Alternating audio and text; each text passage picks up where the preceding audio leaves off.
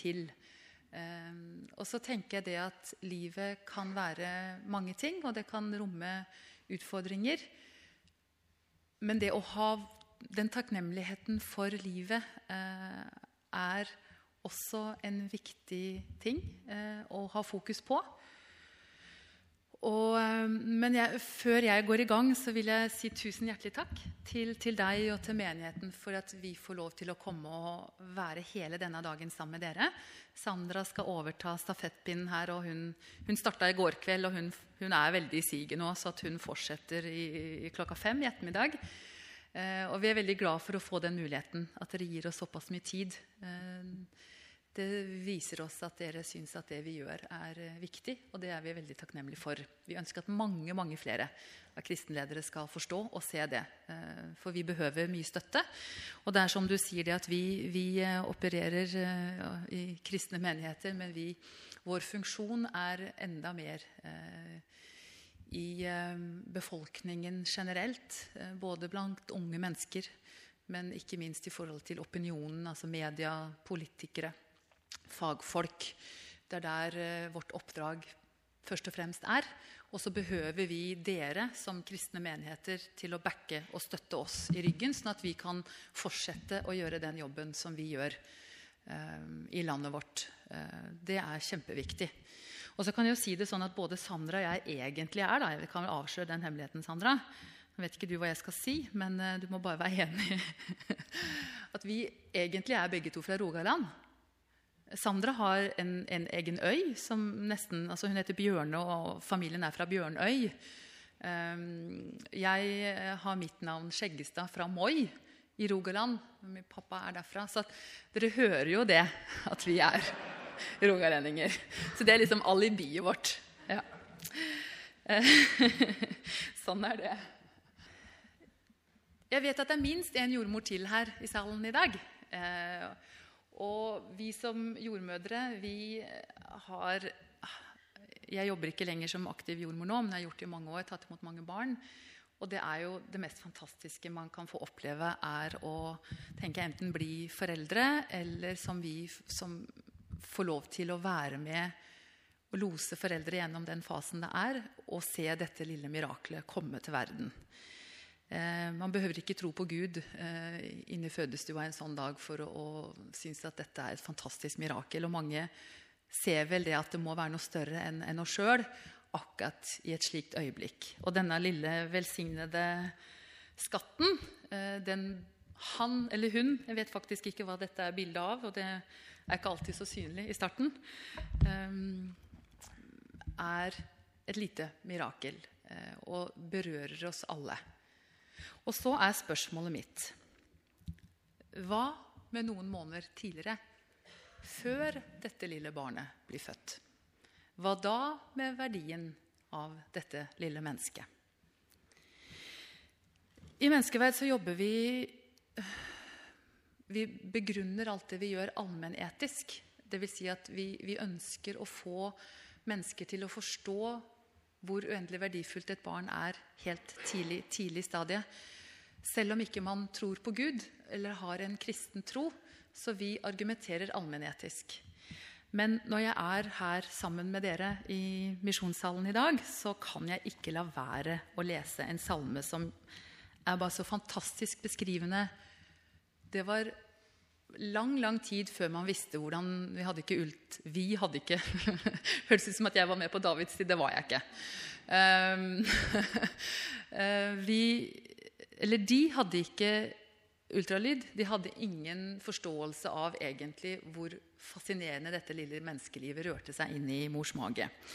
Men David skriver likevel i Salme 139.: For det er du som hadde mine nyrer i eie. Du vevde meg sammen i min mors liv. Jeg vil prise deg, for ved fryktinngytende gjerninger er jeg blitt et underverk. Underfulle er dine gjerninger, og min sjel vet det så vel. Mine bein var ikke gjemt for deg da jeg ble dannet i det skjulte og kunstferdig knyttet sammen i mors liv. Som foster så dine øyne meg, og i din bok var de alle skrevet ned, de dager som var fastlagt for meg, før en eneste en av dem var kommet. Hvor utgrunnelig dine tanker er for meg, og Gud. Hvor veldig er summen av dem. Skulle jeg telle dem, er de mer tallrike enn sand. Når jeg våkner, er jeg fortsatt hos deg. Så Guds perspektiv forsterker jo, eller understreker jo veldig, det biologiske. Og jeg tenker sånn at Guds perspektiv går faktisk enda lenger tilbake enn befruktningen. Og det er ganske fascinerende. Jeremia sier eh, i første kapitlet Før jeg formet deg i mors liv, kjente jeg deg. Det er egentlig ganske fantastisk. Og det er egentlig en trygghet i at det er noen som Eller ikke noen. Gud har en oversikt over livene våre. Han har planlagt det. Eh, og han har gode planer og tanker om oss. Og det forsterker jo den verdien vi har som mennesker. Og så er jo spørsmålet da Når starter livet? Er det noen som vet Nå har vi sett her, og vi har det er sommerkampanjen vår var det med ti uker. Og for å synliggjøre størrelsen på beina våre når vi var ti uker gamle. Og det er faktisk sånn at selv om du har 45, eller noen har 35, så på det tidspunktet i fosterlivet så hadde vi alle like små bein, for å si det sånn. Og så Noen slutter liksom ikke helt å vokse. Um, uh, sånn er det. Er det noen som vet her inne og kan gjette hvor tidlig et hjerte slår på det lille barnet? Er det noen som våger å være frimodige? Ja, jeg ser en hånd. Det spørs om frimodigheten er der. Si det. Ikke? 21 dager måtte mor kviske det. 21 dager. Det er altså tre uker eh, som dere som har vært gravide, eh, eller kjenner noen, har knapt begynt å mistenke at man er gravid. Da slår det lille hjertet. Og nå er det sånn, Jeg vet ikke hvor ofte dere har sånne bilder her i misjonssalen. Um, men jeg er jordmor, og vi snakker om ting som det er. Det er faktisk sånn at dette her er sædceller og eggcellen. Ganske forstørra. Et sekund etter dette, eller sånn cirka, når den første sædcellen treffer eggcellen, så, er, så settes den genetiske koden. Det er startpunktet på livet. Og jeg tenker sånn at hjertet slår når det er 21 dager. Folk flest i Norge, om de hadde visst det, tenker jeg Fordi at det med hjertet som slår, det sier jo noe om livet. Så tenker jeg sånn at Hadde alle visst det, så hadde det gjort noe med våre holdninger og hva vi kan gjøre med dette lille barnet. I hvert fall på god vei. Så at en del av det vi gjør, er jo å reise rundt og fortelle om hvor tidlig utvikla et lite barn i mors mage er. Og det er jo ikke sånn at når man bærer et barn inni seg, er gravid, så går man rundt og snakker om det at 'jeg skal ha et foster', eller 'jeg har et foster'.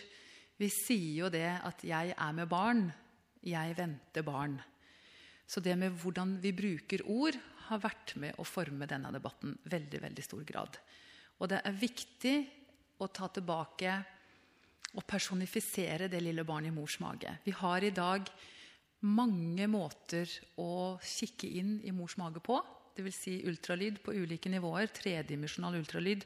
Vi kan se filmer av hvordan barnet rører seg inn i mors mage. Og jeg tenker sånn at det bør gjøre noe med våre holdninger til hva vi tenker om dette lille livet.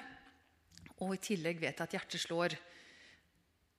Så er det ganske overbevisende. Så jeg tenker sånn at det handler om å fortsette å spre denne informasjonen og jobbe for at folk ikke skal ha så mange neddratte rullegardiner. At ikke de ser det vi prøver å si.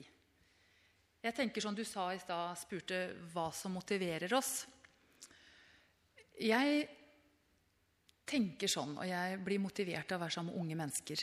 Fordi at de har en, en sånn fantastisk reaksjon på urettferdighet som vi kanskje blir litt sånn der avdanka etter hvert jo mer som årene går.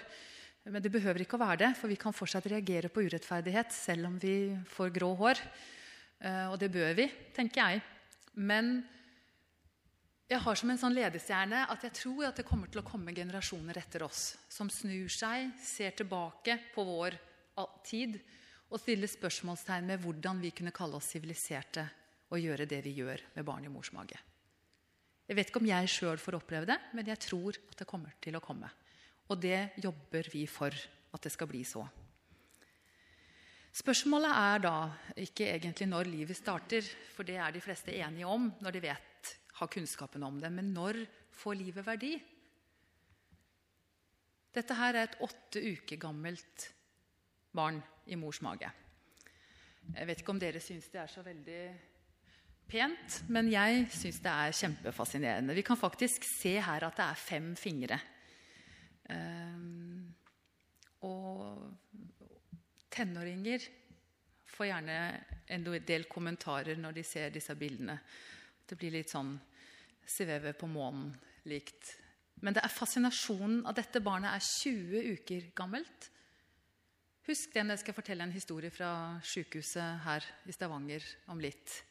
20 uker, og vi kan se veldig tydelig eh, det meste. Dere ser, det er jo et fantastisk tydelig bilde. Hva er menneskeliv verdt? Er det forskjell på verdien vår i forhold til hvordan vi ser ut, hvordan vi er, hva slags kromosomer vi har, om vi er friske, syke, kan gå på beina våre, Menneskeverdet er absolutt. Og det er det som vi må jobbe for i dag. Å få fram at det varierer ikke med hva vi kan gjøre, vet eller kan. Nå skal jeg bare se her. Den skal jeg la stå der litt. Menneskeverdet er absolutt. Din og min verdi er i det at vi er til. Og så kan vi ha mange sånne ting i samfunnet som vi tillegger mer verdi, enten fine titler eller masse penger eller alt hva vi har. Men når alt kommer til alt, så spiller det egentlig ingen rolle. Om jeg skulle bli ribba for alt, så det faktisk det viktigste vært at jeg, at jeg hadde mennesker rundt meg som brydde seg om meg, og som kan være med og få meg til å se at jeg har en verdi, selv om jeg ikke skulle føle det sjøl. Uh, og det ønsker vi som organisasjon å jobbe for at mange skal se at selv når vi er som mest sårbare, enten i livets start eller slutt, eller om vi har en funksjonshemning eller en ekstra utfordring i livet av en eller annen grunn, så har vi en uendelig stor verdi, og det kan vi som fellesskap være med og støtte opp under. Det er den vi er, som gjør at vi har en verdi. Vi kan egentlig ikke ta det menneskeverdet fra noen, men vi kan krenke noens menneskeverd. Og hvordan vi møter hverandre som mennesker, kan være med å bygge opp det at jeg kjenner meg verdifull. Det har vi alle behov av. Det er faktisk sånn at En av de største utfordringene vi har i dag i dette landet vårt, handler om hvordan vi gir mennesker, foreldre, mulighet til å få vite om barn mens de er i mors mage, om de er friske, eller at de har en kromosomfeil eller et kromosom mer enn det de fleste av oss har. Og det er egentlig den pappa som har skrevet det sjøl på en side, eh, hvor de ikke lenger har det barnet, at det er et umenneskelig valg å bestemme liv eller død for det barnet du bærer. Tidlig ultralyd er en av de største debattene. Det har vært veldig debattert i vår, og det kommer til å komme mer. Den kommer inn i endringene av det som heter bioteknologiloven, som dere kan følge med. Den skal debatteres nå i Stortinget igjen i, til våren. Eh, og det handler om hvor mye myndighetene skal legge til rette for å betale over våre skattepenger. Hva man skal oppdage i fosterlivet og helst føre det tidspunktet hvor man har mulighet til å abortere. Det er ganske alvorlig. Eh, det handler ikke om eh, at vi er imot teknologi. Som jordmor vet jeg at vi kan redde barn ved en del ting vi oppdager i fosterlivet. Men om undersøkelser skal utføres hvor hensikten ikke er at man kan helbrede eh, Vi kan ikke gjøre noe menneskelig sett med en kromosomfeil. Da er det snakk om å leve eller dø. Og skal myndighetene tilrettelegge for at det blir en mer leiting etter noe vi ikke kan gjøre noe med, så er dessverre utviklingen sånn at mange barn ikke får se dagens lys. Og det er ganske alvorlig. Um, og mitt spørsmål er er det plass til alle. Vi ønsker at det skal være et rom. Vi mener det er en selvfølge faktisk et samfunn bør måles på hvor godt det er eller ikke, hvor godt vi tilrettelegger for. Nå er det ikke snakk om nødvendigvis de svake, fordi at eh, det er mange som har kjempestore ressurser på tross av mange ganger i livet. Men det er noen som er ekstra utsatte. Og vi tenker sånn at hvem har egentlig skal få fortsette å ha rett til liv? Marte Vekselsen Goksør vil at dere skal få treffe dere skal få se et filmklipp med henne hvor hun konfronterer statsministeren. Et klipp som gikk på TV 2. En del av dere har sikkert sett det. Vi ga Livsvernprisen eh, i vinter til Marte. og Hun er en god venn av oss, og vi har vært eh, mye ute sammen. Marte og jeg, og vi fortsetter gjerne det. Marte vil at vi skal ha en turné rundt omkring i landet. Eh, Marte er en ressurssterk ung dame med Downs syndrom. Og her skal dere få se henne. Jeg føler seg trua av forslaget om å innføre tidlig ultralyd til alle gravide. I dag møtte Marte Vekselsen Goksør, som har Downs syndrom, oppe i Stortinget for å kreve svar fra statsministeren. Marte Vekselsen Goksøyr er klar til debatt på Stortinget. Er du spent? Ja. Ja, det er jeg òg. Marte har kommet til Stortinget fordi hun reagerer sterkt på at Arbeiderpartiet går inn for tidlig ultralyd i uke tolv til alle gravide. Marte krever svar fra statsministeren, for hun opplever forslaget som en måte å lettere sortere vekk fostre med Downs syndrom. Jeg syns alle har rett til å leve, faktisk. Så det er sårende, ja. Det står noe på T-skjorta di i dag. Ja, det står utrydningstruet, og det står jeg for. Arbeiderpartiet mener tidlig ultralyd kan redde flere liv, men forslaget er omstridt internt i regjeringen. I spørretimen i dag ble Stoltenberg også utfordret av opposisjonen på om tidlig ultralyd vil skape et sorteringssamfunn. Etterpå var det Martes tur. Hvorfor vil du at staten skal legge til rette så fosteret med Downs syndrom fjernes? Tror du samfunnet vil bli bedre uten mennesker med funksjonshemning? Nei, det tror jeg ikke. Jeg tror at vi blir et uh, mer mangfoldig og, og samfunn med større forståelse for at mennesker er forskjellige. Uh, er mennesker med Downs syndrom utrydningstruet i Norge? Nei, eh, og det vet vi jo fordi at vi vet at uh, veldig mange av de som uh, ser at de har indikasjoner på at det kan være Downs syndrom i et foster, velger likevel å bære fram fosteret. Og det er altså veldig veldig mange i dag som tar tidlig ultralyd. Hun fikk mye tid med Stoltenberg, men var ikke helt fornøyd med svarene. Jeg syns det var mm, krevende, faktisk. Nå håper jeg at han tenker seg om Det gjør vi også, og det er mange med oss som jobber for at de skal tenke seg veldig grundig om før de innfører dette. Um, og han snakker selvfølgelig ikke helt Det er ikke riktig det han sier. I beste fall er han feilinformert. Um, fordi at det er en tendens at jo mer man får vite i svangerskapet tidlig, uh, jo lettere velger man bort barn som ikke er helt uh, friske. Og det er en urett i dag. Det er eh, en sak som har vært altfor lite i media, men den kommer nok til å komme mer. Men det er en journalist i et sånn granskende eh, blad, magasin, som heter Plott, som rullet opp en sak som skjedde her i Stavanger. Eh, det er deres sykehus i deres fylke. Ehm, i forbindelse i kjølvannet av den saken i fjor vår, jeg vet ikke om dere husker det i vår, hvor det kom fram at det var mange barn som ble abortert altfor sent, eh, altså utenfor det som er lovlig, på Rikshospitalet. Og det var jordmødre som sjøl gikk ut og sa ifra at dette, dette syns vi er fryktelig, og vi håper ikke vi må være med på denne praksisen. Det var 50 jordmødre sjøl som aksjonerte og ikke ønsket å være med på dette. I Stavanger så har det blitt født et barn i uke 23 med Downs syndrom som levde tre timer på skyllerommet. Det var en senabort. Og jeg skal ikke gå detaljer på det her nå. eh, Men dette har vært skrevet om i over 30 sider i Stavanger, i Plott. Vi har prøvd å jobbe med det i forhold til Stavanger Aftenblad, og de har ikke satt noen ting på trykk. Men vi har klaget saken, og det er litt for å si hvordan vi jobber i menneskeverd. Vi har klaget saken til Helsetilsynet og til Fylkesmannen i Rogaland.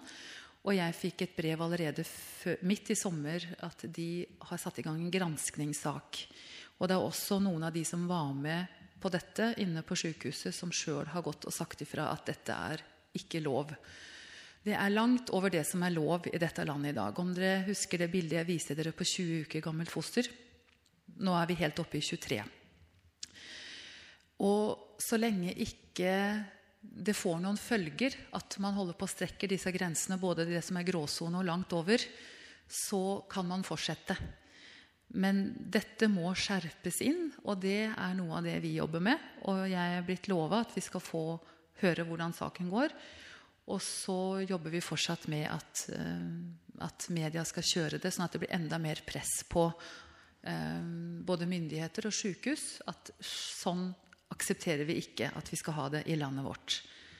Det handler om eh, at man gjør forskjell på mennesker i forhold til hva slags egenskaper vi har. Og det er en urett. Jeg tenker at Det er så lett for oss å slå oss for brystet og synes at andre mennesker i andre land i dag gjør så mange fryktelige ting mot hverandre, eh, og også mot barn som ikke er friske.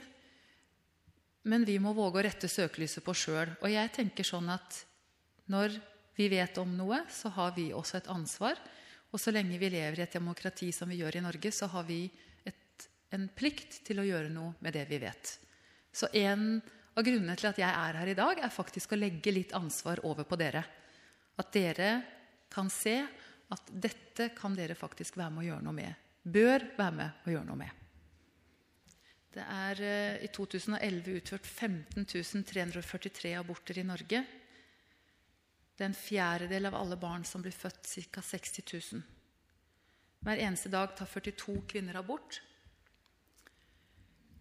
Og alder 20-24 år er det hyppigst. Det er et ganske høyt tall. Og så kan vi gjerne bli litt sånn maktesløse og tenke hva kan vi gjøre med det? Men vi ønsker jo å vri det til å se på hvordan kjempe for at flere barn i mors mage får leve. For jeg tenker det at det å redde ett barn er faktisk med å utgjøre en forskjell. Og da behøver vi liksom ikke fortvile over en, en en fryktelig situasjon, men å se det at vi kan gjøre noe for ett menneske. Jeg skal ikke ta dette her nå, for nå er min tid eh, Jeg er på nådetiden nå. Eh, men hva kan du i menigheten, i din smågruppe, eh, i den store menigheten, gjøre som kan gjøre at ett barn har muligheten til å få leve? Det handler om å ta opp seksualitet som tema i undervisning. Å snakke om til unge mennesker. Eh, be om en endring, som vi har snakka om, i samfunnet vårt. Snakke om abort. Det er mange kvinner, også i kristne sammenheng, som sliter med skyldfølelse eh, fordi at de har tatt en abort. Det fins også unge jenter som fordi at man skal holde fasaden oppe i kristne menigheter. Det er sånn at Man kan ikke tro at det skjer i dag. Man kan kunne håpe at det var liksom etterkrigstiden. Men jeg får dessverre høre om historier i dag om unge jenter som blir tvunget av foreldrene sine til, å ta abort fordi at man skal oppholde fasaden på bedehuset eller i menigheten. Og noe verre enn det hører jeg ikke. Så jeg tenker, Er det ett sted som du skal kunne komme og være uplanlagt gravid, så bør det være i menighetene våre.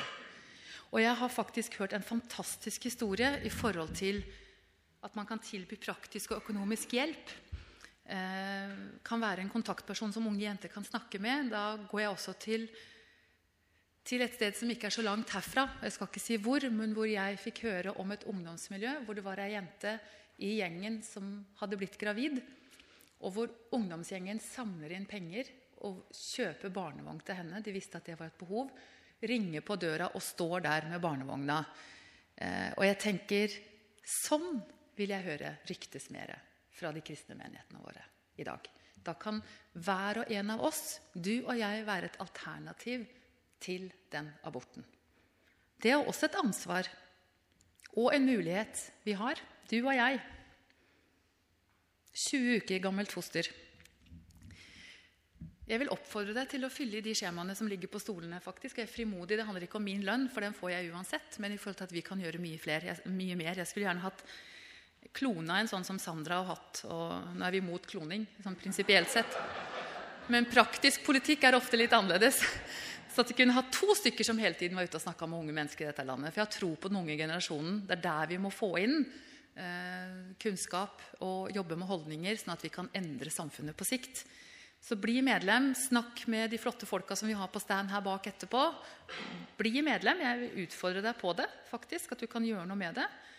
Eh, det her tar jeg ikke tid på nå, hvordan vi jobber. Det kan dere gå inn og se på hjemmesiden vår. Men jeg vil, kan også sende SMS. Eh, jeg vet ikke om dere pleier å ha med dere telefoner, sånn, men kan, det står på her også, så vi skal ikke ta tid til det nå.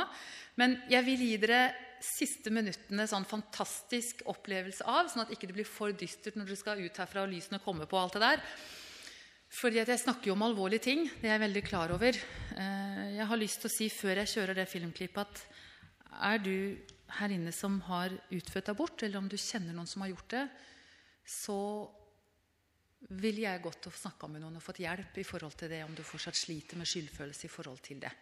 Nå er ikke jeg her som verken eh, sjelesørger eller forkynner, men det, når vi har Gud med oss, så fins det tilgivelse for alle ting. Og jeg vet at det er altfor mange som det gnager inni igjen. Eh, og det bør du ta deg sjøl på alvor og få hjelp med, tenker jeg. For det er den ekstra muligheten som vi har når vi tror på Gud.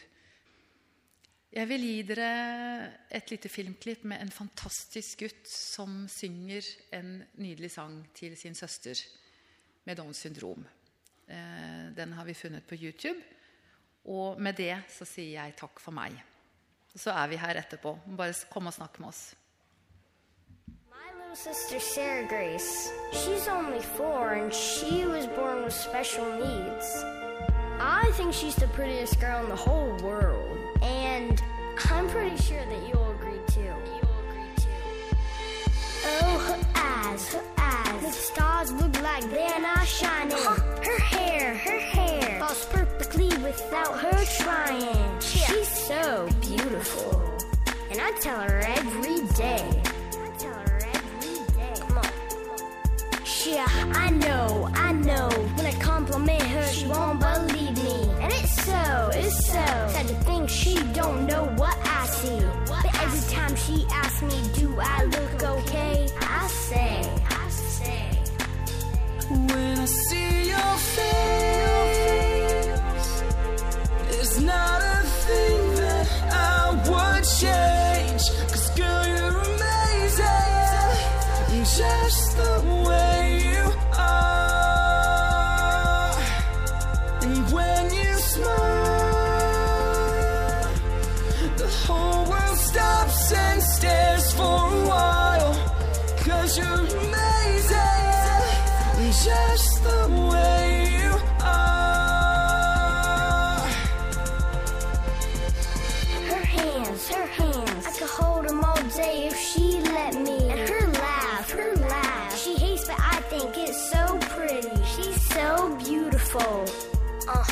every day.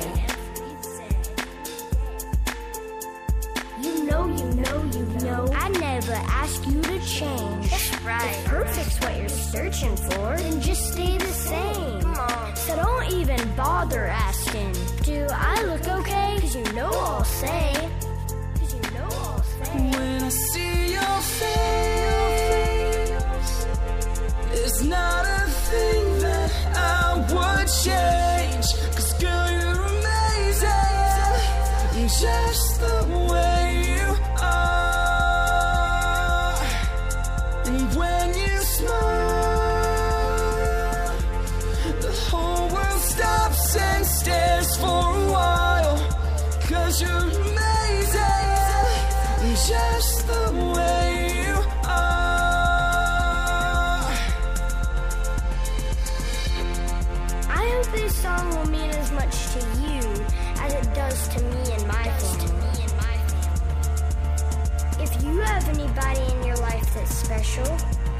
Sure you tell them.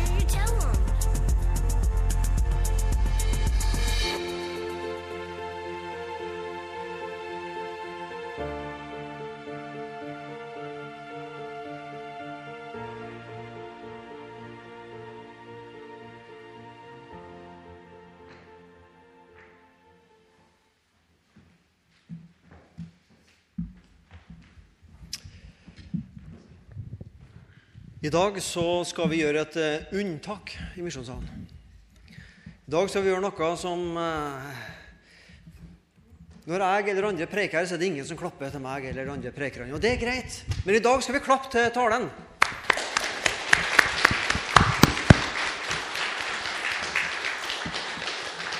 Dette var, dette var viktig å høre om.